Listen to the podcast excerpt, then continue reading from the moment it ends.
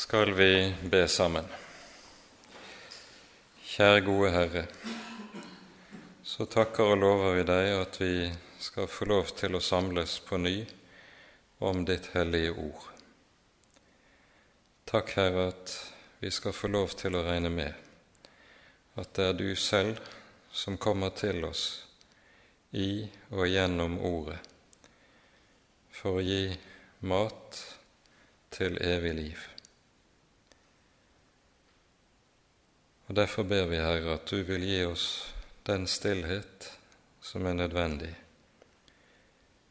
og arbeide slik på hjertene våre at ordet ditt får rom hos oss, og får gjøre den gjerning som du hadde tenkt å sende det til. Amen.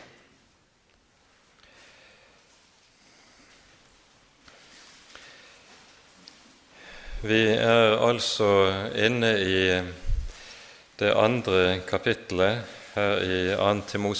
Timotius brev.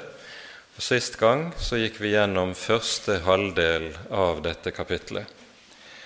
Og Det som uh, i veldig stor grad kjennetegner hele dette kapittel 2, er at her taler Paulus om og underviser Paulus, sin unge venn, om eh, hva tjenesten i menigheten, tjenesten med Guds ord, tjenesten som hyrde, dreier seg om og innebærer.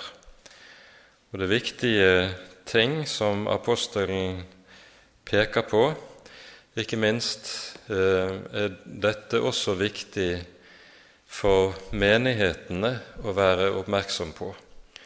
Riktignok er det slik at Paulus her har Timotius og alle hyrder i menighetene som direkte adressat for det som her skrives. Men samtidig er det også slik at med dette så får menighetene klar undervisning om hva de har rett til å vente seg av sine hyrder. Og det er ikke mindre viktig, fordi det jo er slik at hyrdetjenesten og livet i menighetene hører uløselig sammen. Med dette til inngang så tar vi nå og leser sammen fra vers 14 av i kapittel 2, og vi leser ut kapittelet. Dette skal du minne om. For Guds åsyn skal du pålegge dem at de ikke skal ligge i ordkrig til ingen nytte, men til undergang for dem som hører på. Legg vind på å kunne fremstille deg for Gud som en som holder prøve, en arbeider som ikke har noe å skamme seg over, en som deler sannhetens ord rett. Vend deg bort fra det vanhellige og tomme snakk, for de går bare videre i ugudelighet. Deres ord vil ete om seg som villkjøtt. Blant dem er Himeneus og Filetus. De har fart vill fra sannheten, for de sier at oppstandelsen allerede har funnet sted, og hos noen river de ned troen. Men Guds faste grunnvoll står og har dette seil. Herren kjenner sine, og hver den som nevner Herrens navn, skal avstå fra urett. I et stort hus er det ikke bare kar av gull og sølv, men også av tre og leire. Noen kar er til ærefullt bruk, andre til vanære. Den som nå har renset seg så han holder seg borte fra disse vanærens kar, blir selv et kar til ære, helliget, nyttig for husbonden satt i stand til all god gjerning.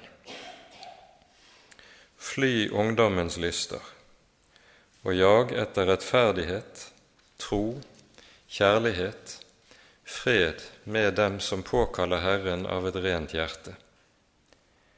Vis fra deg de tåpelige og uforstandige stridsspørsmål, for du vet at de føder strid.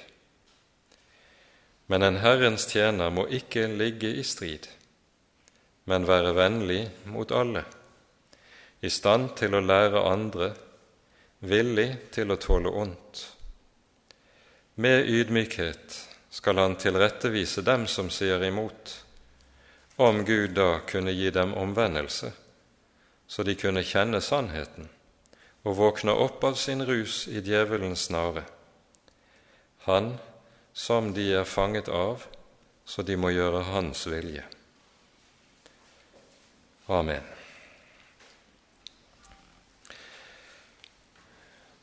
Det som vi forstår Eh, er noe av et hovedtema i det avsnittet vi nå har lest, og som Paulus legger inn over sin unge venn. Det er hvorledes Timotius skal forholde seg til og opptre i forhold til ulike typer vranglære som opptrer i menigheten. Den vranglære som eh, det etter alt å dømme dreier seg om i eh, både Timotius-brevene, like som også i Kolosserbrevet, muligens Efeserbrevet, og ikke minst første Johannes brev, det er den som kalles for gnostisismen.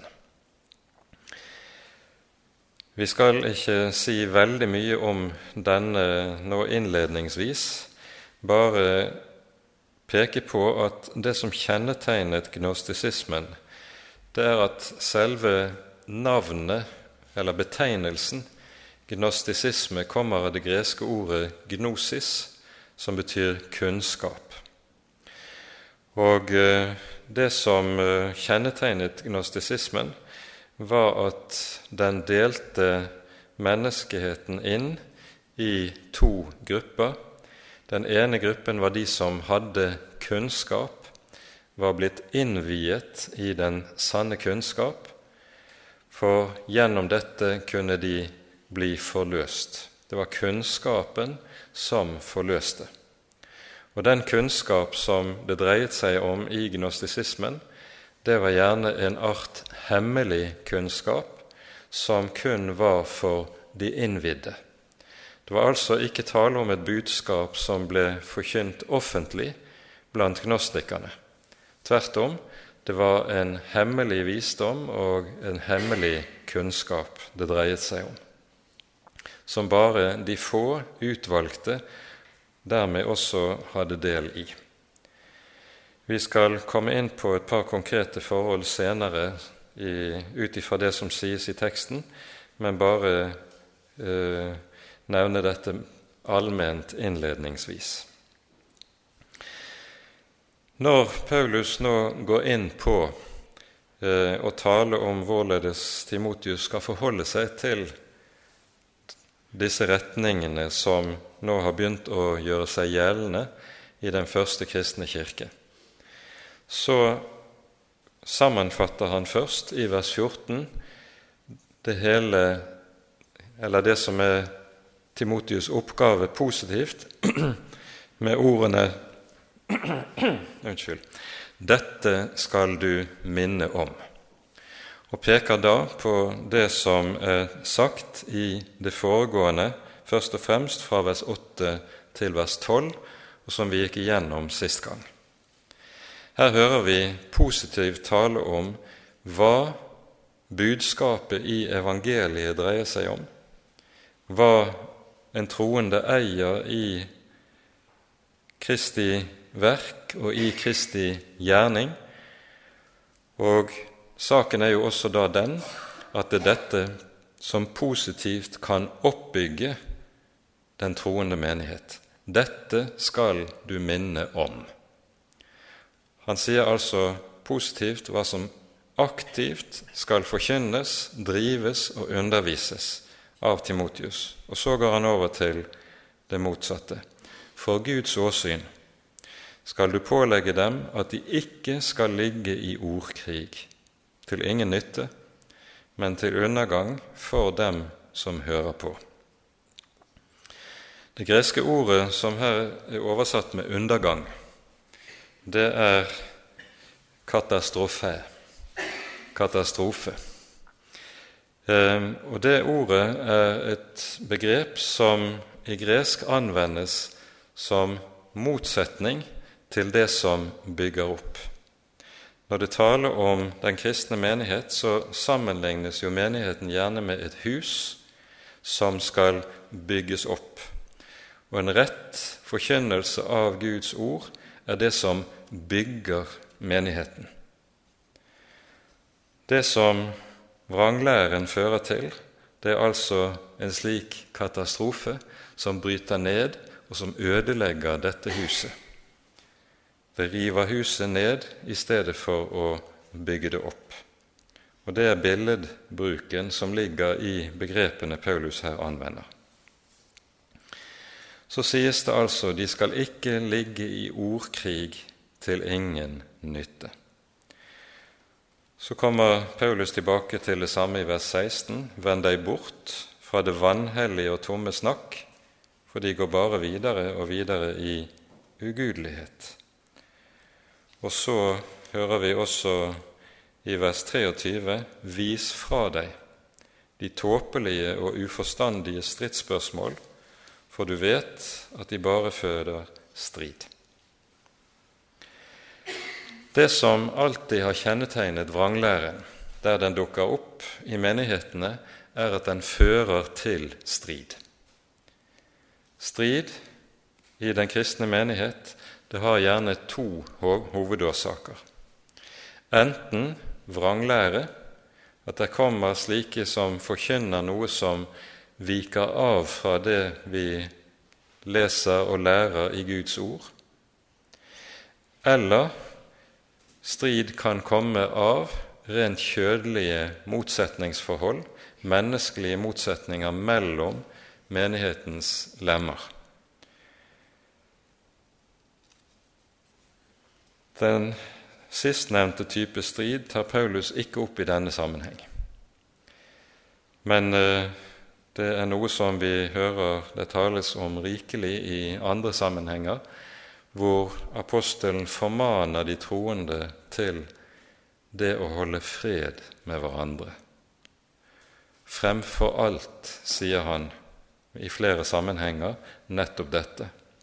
Det at de troende skal holde fred, det er overmåte viktig.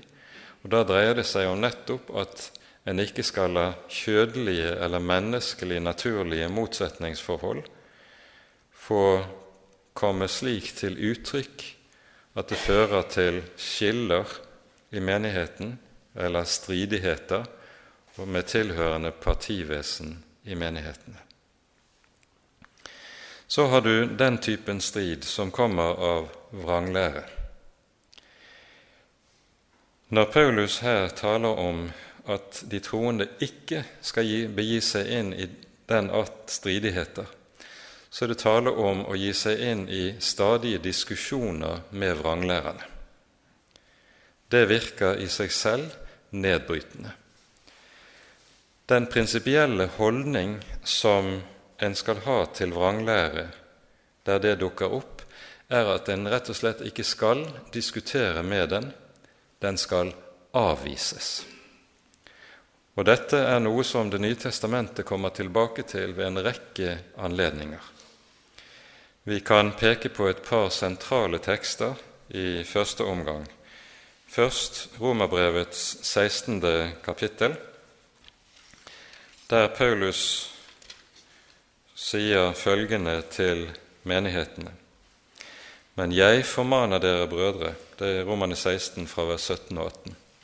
Jeg formaner dere brødre, hold øye med dem som volder splittelse og anstøt mot den lære dere har lært Vend dere fra dem. For disse tjener ikke vår Herre Jesus Kristus, men sin egen buk. Og ved sine fagre og smigrende ord dårer de hjertene til de godtroende. Her sies det helt enkelt 'vend dere fra dem'. altså ikke diskuter med dem. I Titus' brev, i det tredje kapittel, får Titus en klar eh, forskrift fra Paulus om hvordan han som hyrde i menigheten skal forholde seg til det samme fenomenet. Titus 3, 9 og 10 hører vi det sies følgende.: Men tåpelige stridsspørsmål og ettertavler og stridigheter om spørsmål i loven skal du vise fra deg, for de er unyttige og meningsløse. Et menneske som farer med vranglære, skal du vise fra deg, etter at du har formant ham én gang og én gang til. For du vet at den som er slik, er forvent og synder, dømt av seg selv. Dette prinsipielle forholdet til vranglære, som vi slik ser Det nye testamentet har en rekke formaninger i tillegg til dette i andre sammenhenger også, vi, men vi nøyer oss med å lese disse to avsnittene. Dette prinsipielle forholdet til vranglæren, det er meget avgjørende å være oppmerksom på, ikke minst i våre dager. For i våre dager så har det kommet inn en tendens, ikke minst i de store kirkesamfunnene, som lar seg prege av den kulturen vi lever i. Vi lever i en kultur som er pluralistisk. Og så ser det ut til at pluralismen også i stor utstrekning får rom innen kirkene, slik at man får den holdning til sannhetsspørsmålet at dette er jo bare ulike meninger og ulike oppfatninger, og det ene kan jo være like godt som det annet. Her tenker altså Det nye testamentet grunnleggende forskjellig. Pluralismen har ikke noe rom i menighetene fordi der er det ett som skal råde, nemlig sannhetens ånd. Og jeg tror vi her skal minne om, ikke minst, ordene i Efeserbrevet i kapittel 4, der Paulus er inne på hva som er avgjørende for menighetene på dette området. Først hører vi i vers 1-3 i Efeserbrevet 4 en kraftig formaning til de troende om å ta vare på enheten. I vers 3 legg vind på å bevare Åndens enhet i fredens sambånd. Og så kommer begrunnelsen for dette, fordi nemlig det er ett legeme og én ånd, like som dere òg blir kalt med ett håp i deres kall. Det er én Herre, én tro, én dåp, én Gud og alles Far, Han som er over alle, gjennom alle og i alle. Legg merke til hvordan Paulus her understreker dette med én. Én Herre, én tro, én dåp. Her er det ikke tale om pluralisme. I troens saker er Guds ord entydig og klart og gir ikke rom for tusen meninger i pluralistisk forstand. Når dette har fått rom i kirkene, så fører det til en meget stor grad av åndelig forvirring. Og dette er jo noe vi også ser råde i store deler av kristenheten i dag. Årsaken til at så skjer, det er at de som har fått hyrdeansvar i menighetene, ikke holder seg til det som er formaningene i Det nye testamentet om hvordan en skal forholde seg til vranglære der det dukker opp.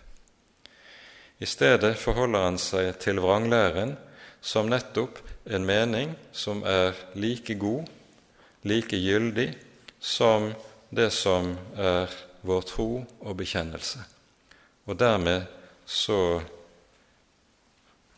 slipper forvirringen inn og får rom i Guds hus. Og Derfor er det altså at Paulus taler så sterkt som han gjør om hvorledes den troende menighet skal forholde seg til dette. Hold dere fra dem. Avvis det. Vi kommer tilbake til hvorledes dette kommer til uttrykk eh, litt lenger nede.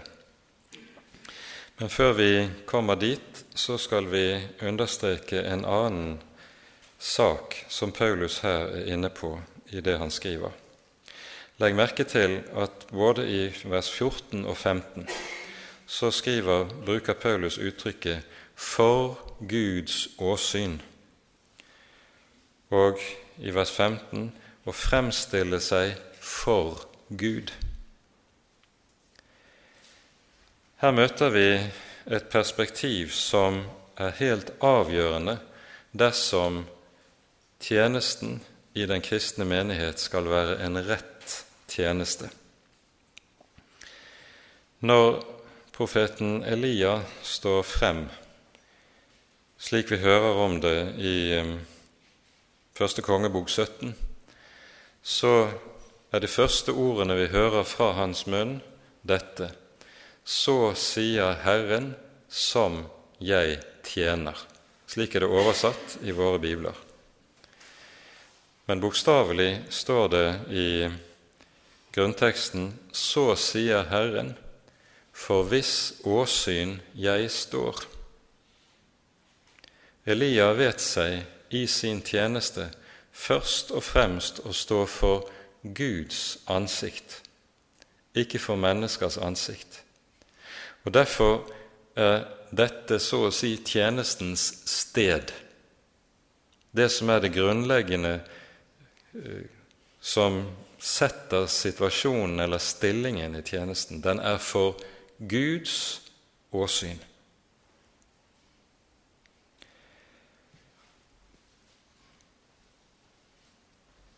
I denne sammenheng så hører vi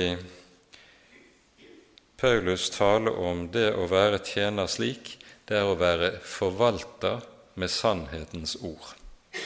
Og Ordet 'forvalter' brukes i en rekke slike sammenhenger i Det nye testamentet.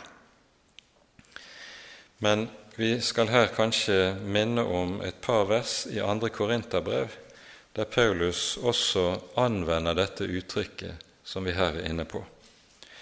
I andre Korinterbrev 2,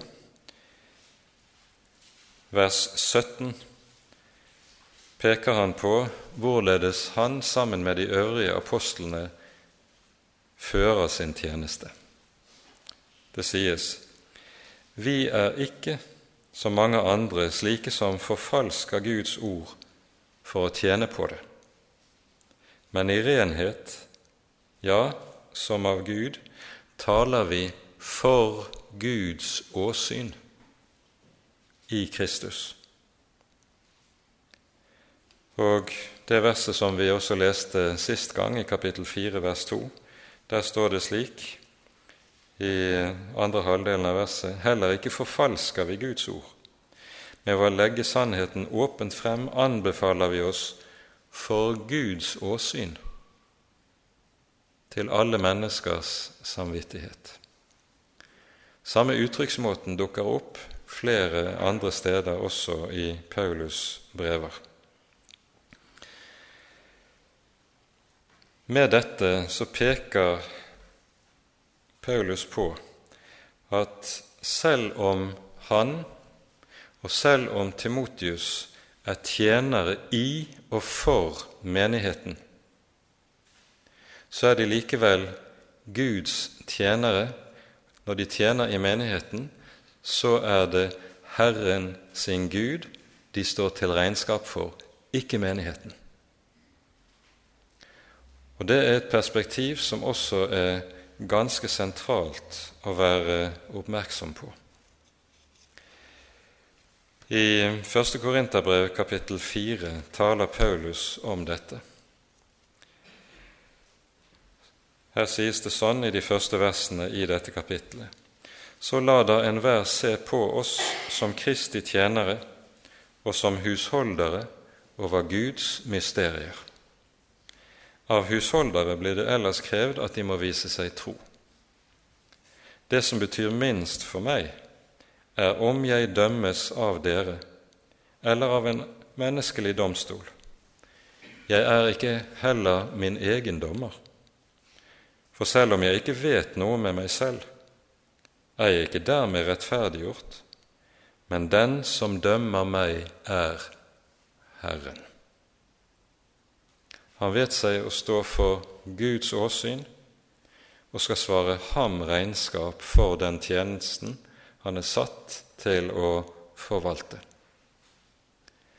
Og Det innebærer at når hyrdene gjør tjeneste i den kristne menighet, så gjør de, det, gjør de tjeneste altså som husholdere og ikke som kelnere.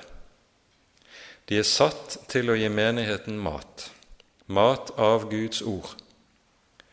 Men de skal ikke gi menigheten det menigheten måtte like.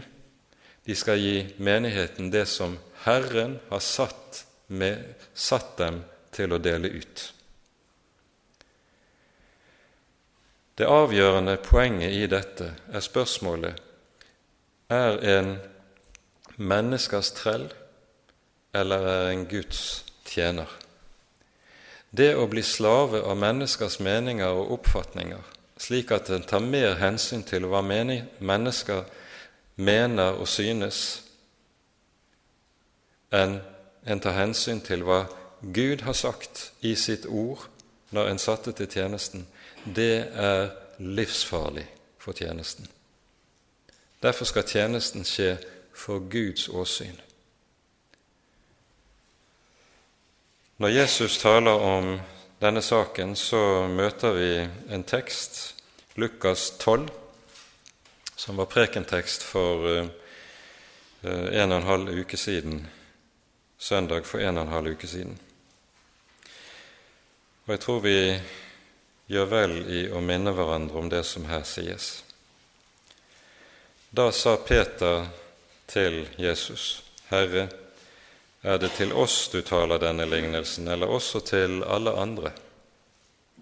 Herren sa, Hvem er da den tro og kloke forvalter, husholder, som Herren skal sette over husfolket sitt for å gi dem deres mat i rette tid.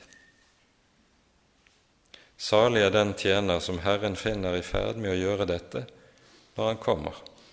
Sannelig sier jeg dere, han skal sette ham over alt det han eier.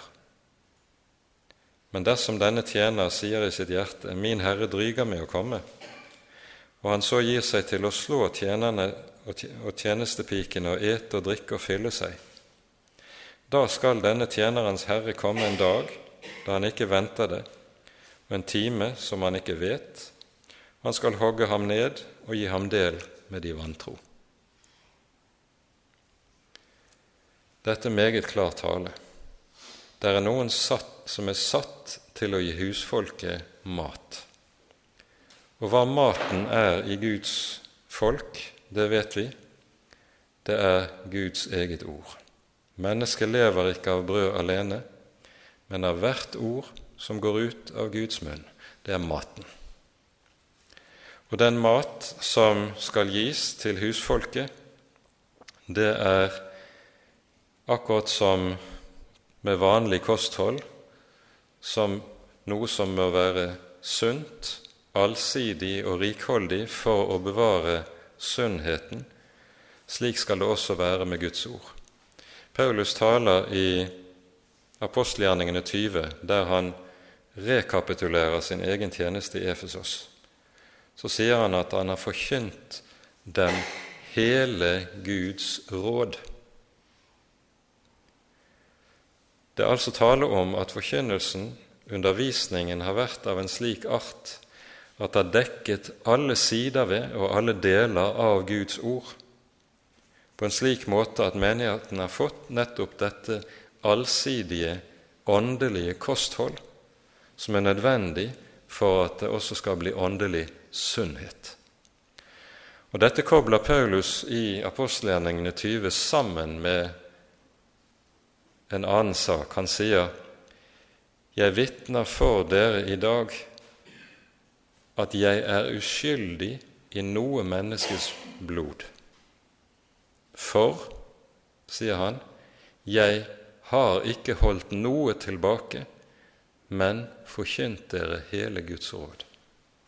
Vi forstår altså at dersom det var slik at menigheten ikke fikk hele Guds råd, men at apostelen holdt tilbake deler av det som forkynnes i Guds ord, så kan det komme til sågar å bli så skadelig for troslivet at mennesker kan komme til å miste det evige liv. Jeg er uskyldig i alles blod, sier han, når han taler om sin egen tjeneste.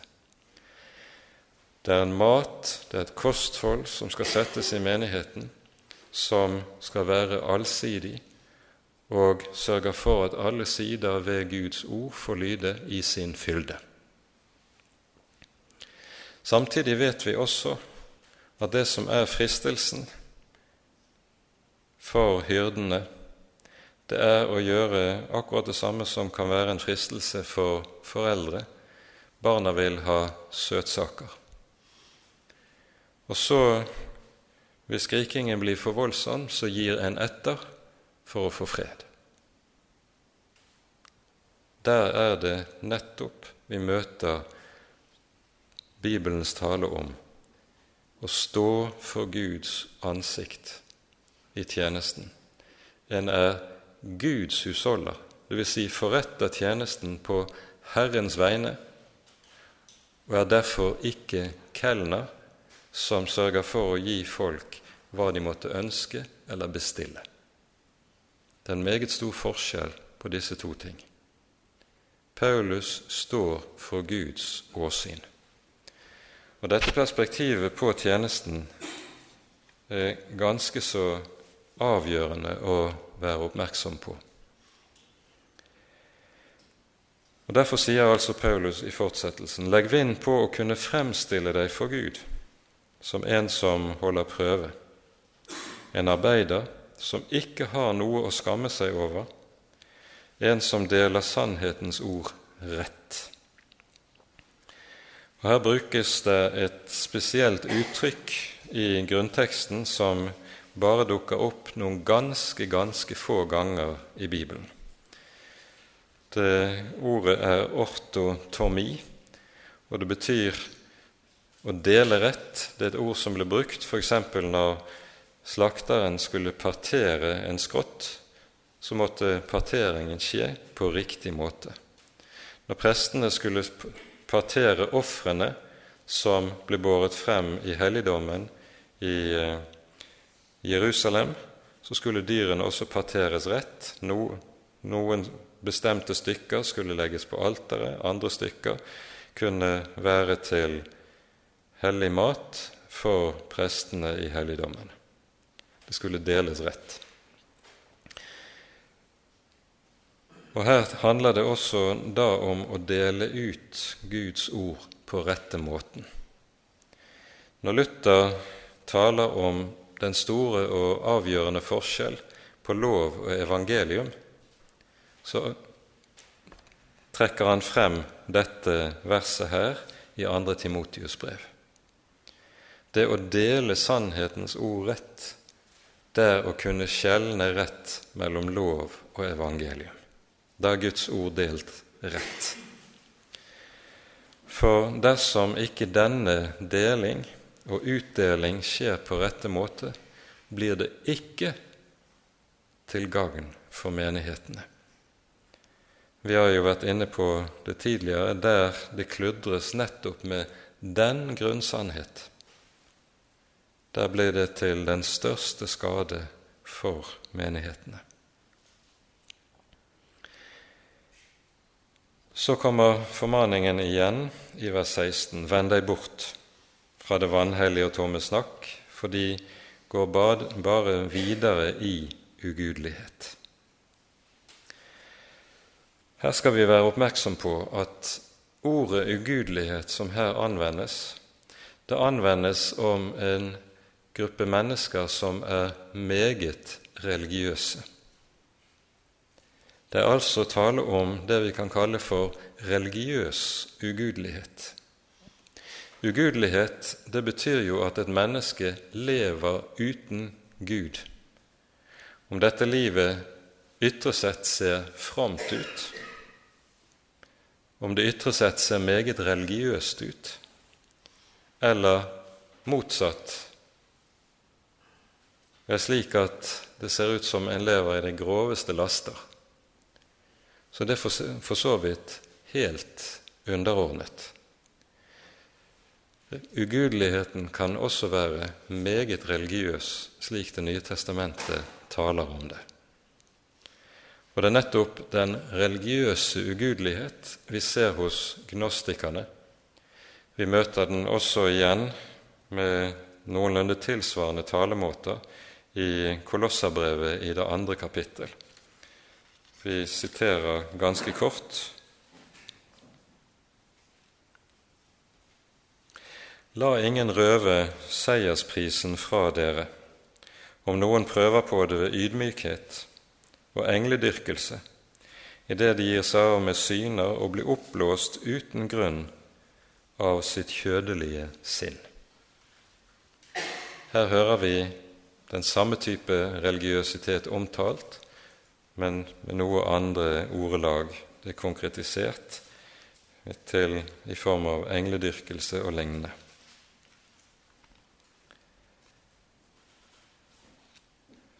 Det er altså slik at vår van, dagligtalens ord, eller bruk av ordet ugudelighet, som betegnelse på mennesket som lever i grove ytre laster, det svarer ikke til Det nye testamentets forståelse av dette ordet. Et ugudelig menneske kan meget vel også se særdeles fromt ut og religiøst ut, men like fullt være ugudelig i nytestamentlig forstand.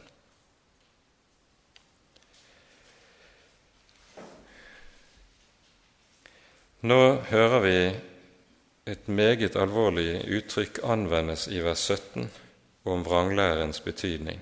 Det sies 'deres ord vil ete om seg som villkjøtt'. Og det er da tale om det som skjer der det utvikler seg koldbrann i et sår. Og vi vet hvordan det er med koldbrann. Dersom dette ikke skjæres bort helt rent, så vil det uvegerlig spre seg videre til hele kroppen, slik at den til slutt dør.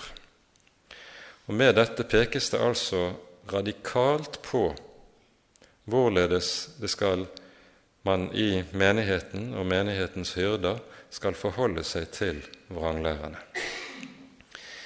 Man har et bilde som har noenlunde samme innhold som anvendes i to andre sammenhenger i Det nye testamentet. I Matteus 16 så hører vi Jesus advare disiplene og sier til dem:" Vokt dere for fariseernes og saduseernes surdeig. Og det sies uttrykkelig at med det mener Jesus vokt dere for deres lære. Og Når dette sammenlignes med surdeig, så er det nettopp på samme vis, der dette først får rom, det, er surdeigen av en slik karakter at den vil gjennomsyre alt, bare det får litt tid på seg.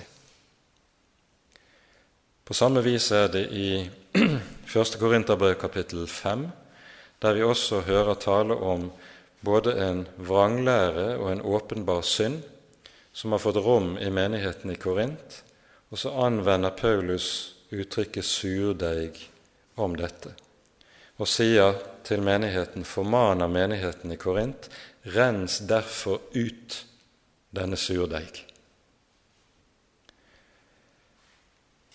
Det er noe med nemlig at der vranglæren får rom, så har denne en hemmelig kraft liggende i seg som gjør at den alltid vil spre seg. Det er en åndelig makt som ligger i vranglæren, som er noe langt mer enn bare en rent sånn menneskelig, intellektuell sak som vi kan forholde oss til kjølig og tankemessig intellektuelt. Vranglæren har en åndelig makt i seg som er ødeleggende, og som nettopp har dette med seg at den sprer seg. Paulus nevner konkret to navn i denne sammenheng. Hymeneus og Filetus. Vi vet ingenting om disse to personene. Hymeneus nevnes i første Timotius-brev, i det første kapittelet. Og Der sies det noe meget alvorlig om Hymeneus og hvorledes Paulus har forholdt seg til ham. Og Dette kan virke så drastisk på oss at det er vanskelig for oss i våre dager å forholde oss til det Paulus her er inne på. Men fordi om dette virker ganske fremmed på oss, så bør vi ikke av den grunn hoppe over det. I vers 20 hører vi dette at det taler om vranglærerne som har ført til at noen har lidd skipbrudd på troen, sies det i vers 19. Så kommer det i vers 20. Blant dem er Himeneus og Alexander. Og så sier Paulus om disse.: Dem har jeg overgitt til Satan for at de skal bli tuktet så de lar være å spotte. Hva sikter Paulus til når han sier noe slikt? At han har overgitt dem til Satan. Med dette peker Paulus på noe han omtaler mer bredt i det femte kapittelet i første Korinterbrev, der det er tale om kirketukten. Kirketukt er noe som gjøres gjeldende i den kristne menighet overfor mennesker to typer foreteelser, enten overfor vrang lære eller for åpenbart urettferdig liv. Kirketukt skal aldri øves i forhold til et menneske som faller i synd, for en kan omvende seg.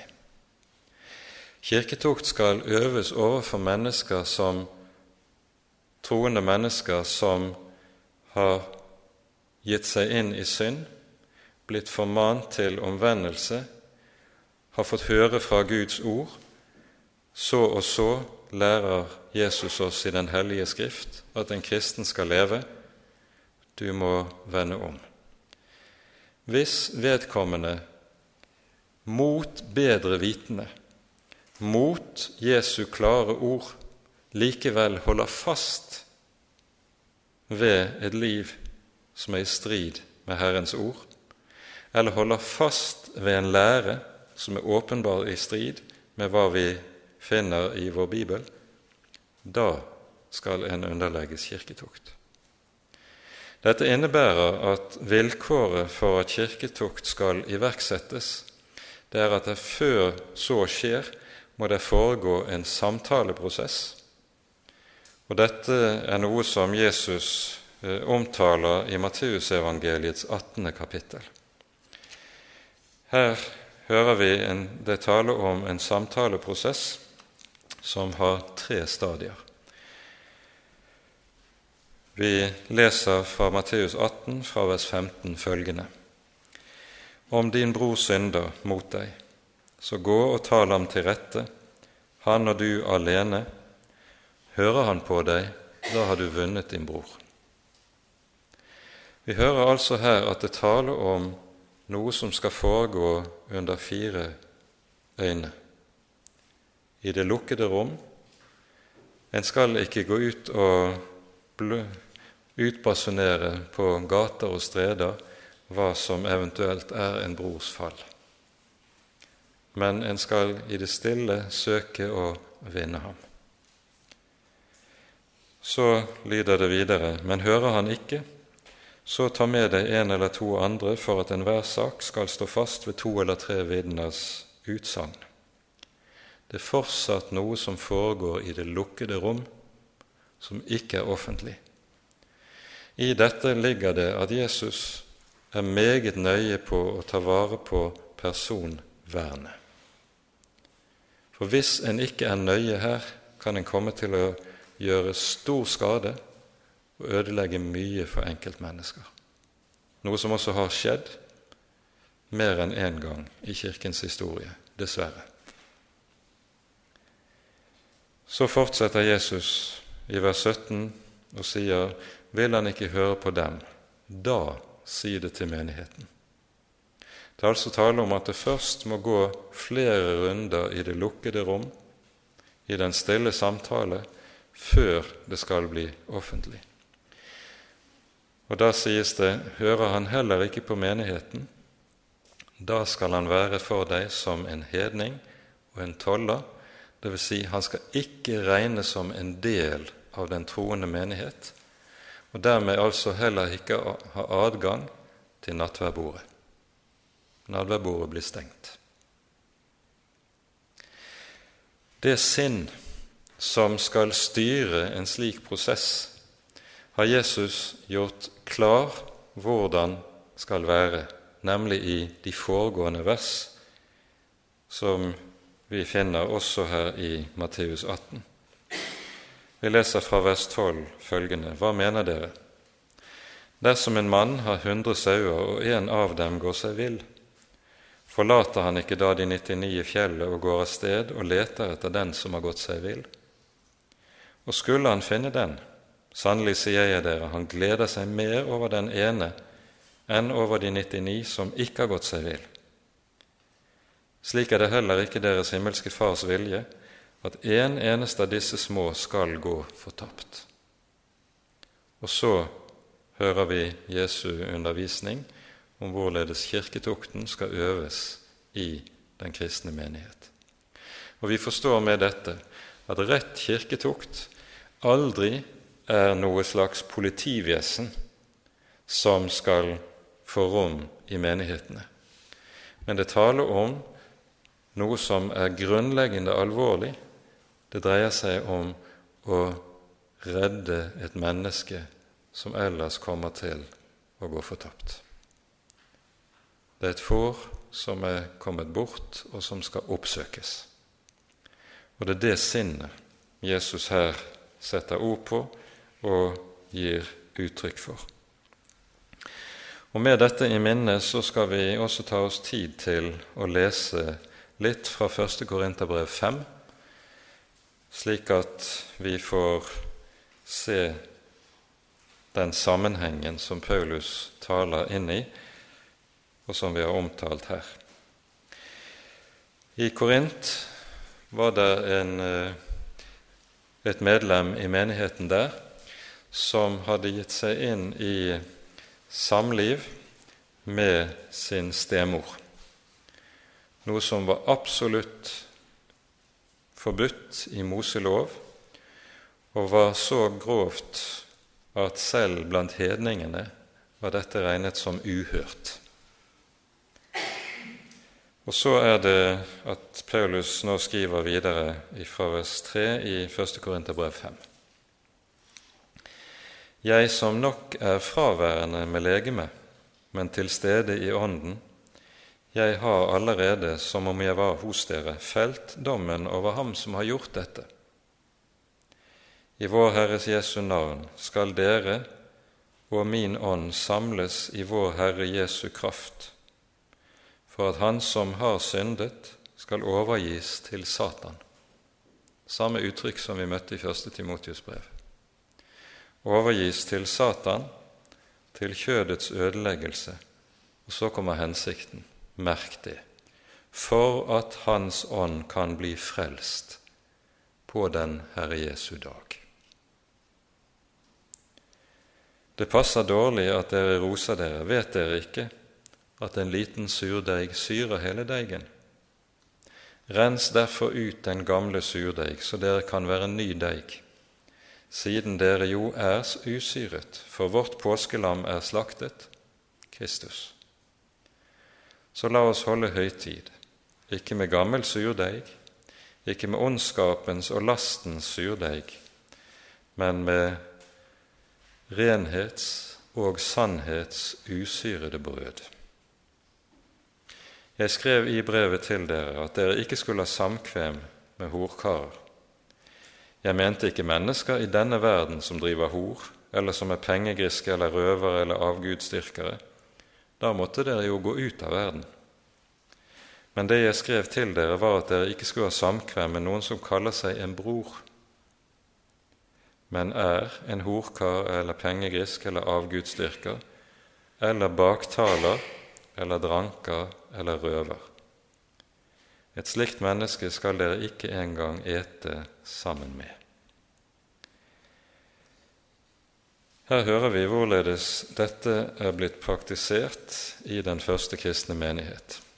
Og Av det vi så kan lese i andre Korinterbrev, hører vi at dette førte til at mannen som var underlagt slik tukt, vendte om. Og så formaner Paulus menigheten i Korint meget sterkt å ta seg av ham når han nå har vendt om, og trøste ham. Og ikke minst brukes ordet 'trøst' i den sammenhengen. Det er viktig å være oppmerksom på.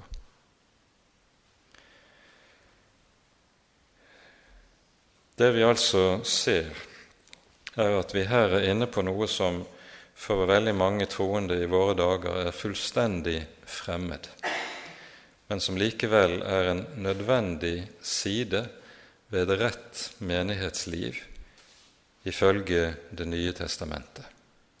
Vi hører lignende ting også fra Det gamle testamentet, men det blir for langt å gå inn på det i denne sammenheng. Saken er den at dersom det ikke slik på avgjør, avgjort måte settes bom for det som er skjevt, i strid med Guds ord i menighetens liv, så vil det i kraft av surdeigsloven komme til etter hvert å gjennomsyre hele deigen. Vi har altfor tydelige eksempler på sannheten i dette for våre egne øyne. Det er ikke mer enn en 15 år siden at det var nærmest uhørt og førte til ramaskrik i Kirken når kirkelige øvrighetspersoner begynte å tale for anerkjennelse av homofilt samliv. Men man gjorde ikke slik som Det nye testamentet sier overfor disse som slik lærer vrangt i forhold til Den hellige skrift. Og hvordan er det gått? I dag er hele Den norske kirke gjennomsyret av denne vranglære. Og det vil bare gå videre. Det er bare tidsspørsmål når man også får en offentlig vigselsliturgi for de som vil leve i samkjønnet samliv. Slik tenker altså Det nye testamentet om dette, og dette er det dype alvor som det dreier seg om. For når Skriften legger et slikt veldig alvor inn i dette, så er det jo fordi at det her dreier seg om menneskers frelse eller fortapelse. Intet mindre.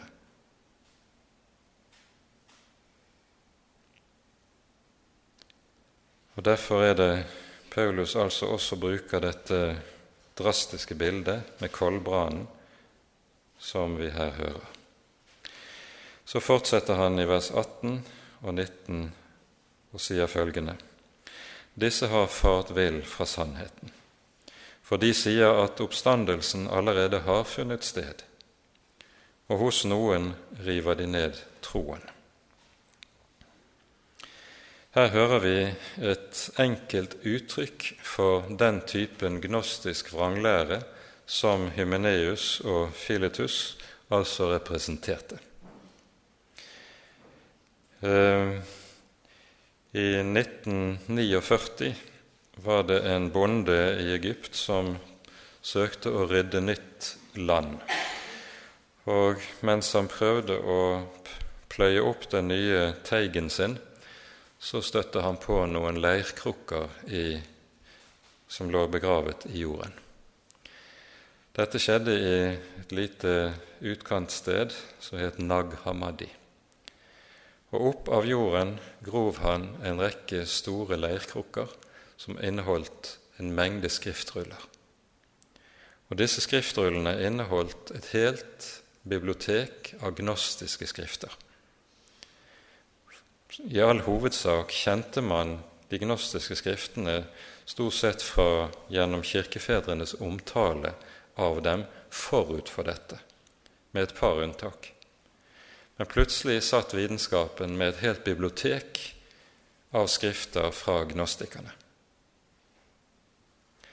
Og i hvert fall i tre av disse skriftene som der ble funnet, så hører vi nettopp denne vranglære som her omtales, er forfektet. Oppstandelsen har allerede vært. Det er altså tale om at disse gnostikerne mente at i og med den kristne dåp så hadde de troende vært igjennom en åndelig oppstandelse, fordi man i gnostisismen nettopp avviste den legemlige oppstandelse.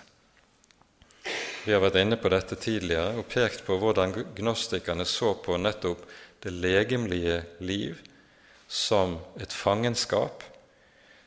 Det er vår fysiske kropp er noe som i seg selv er ond.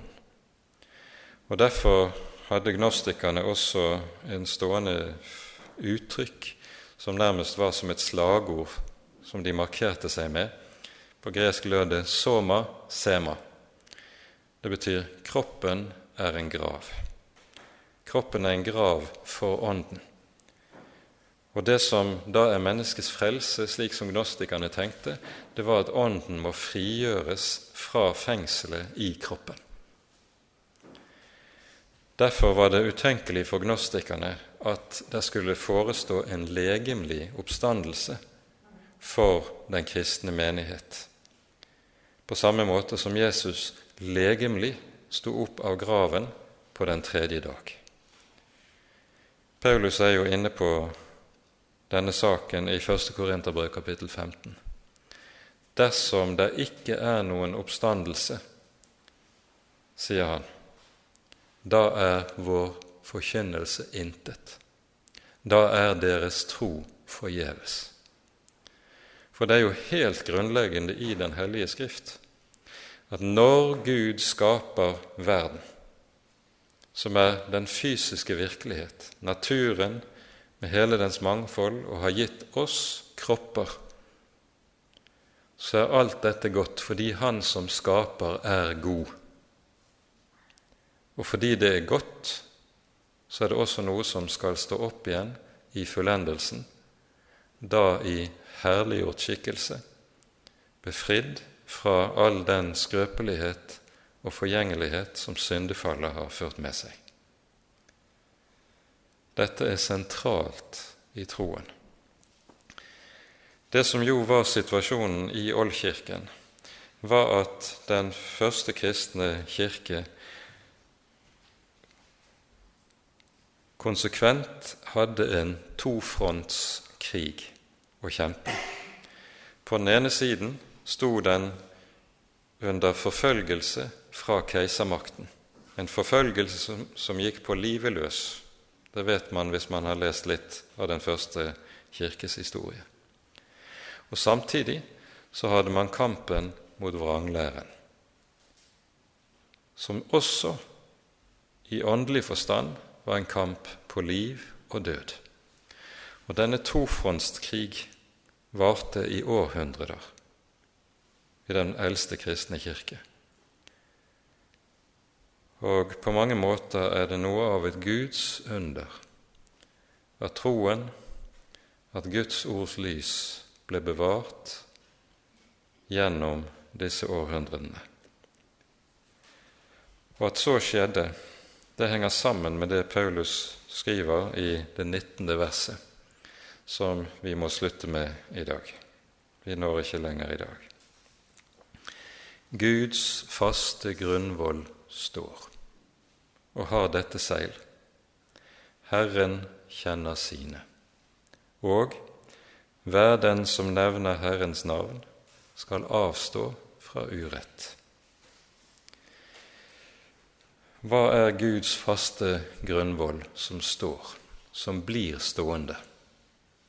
Jo, det vet vi fra tredje kapittelet i første Timotius brev, der apostelen bruker det samme uttrykk, nemlig om den troende menighet. I eh, vers 15 i 1. Tim 3 skriver Paulus.: I fall jeg dryger, vil jeg at du skal vite hvordan en bør ferdes i Guds hus, som er den levende Guds menighet, sannhetens støtte og grunnvoll. Legg merke til disse uttrykkene som Paulus anvender på menigheten. For til hans menighet er det gitt et løfte. Det løftet som Jesus ga allerede til Peter når Peter har avlagt den store bekjennelse som vi leser i Matteus 16. Du er Messias, den levende Guds sønn. Så svarer Jesus, salig er du, Simon, Jonas' sønn, for dette har ikke kjøtt og blod åpenbart deg, men min Fader i himmelen. Og jeg sier deg, du er Peter, og på denne klippet vil jeg bygge min menighet, og dødsrikets porter skal ikke få makt over den. Det er løftet som Jesus har gitt til sin menighet, til sitt folk.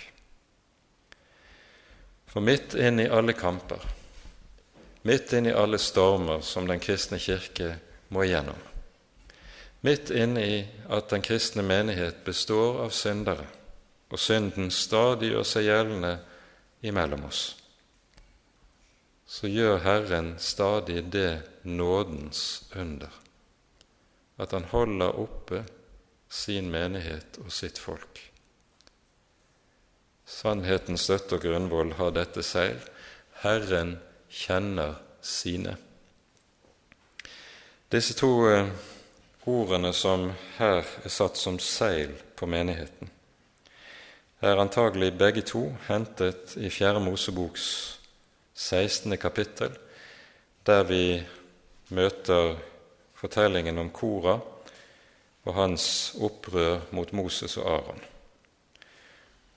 Og så sies det bl.a.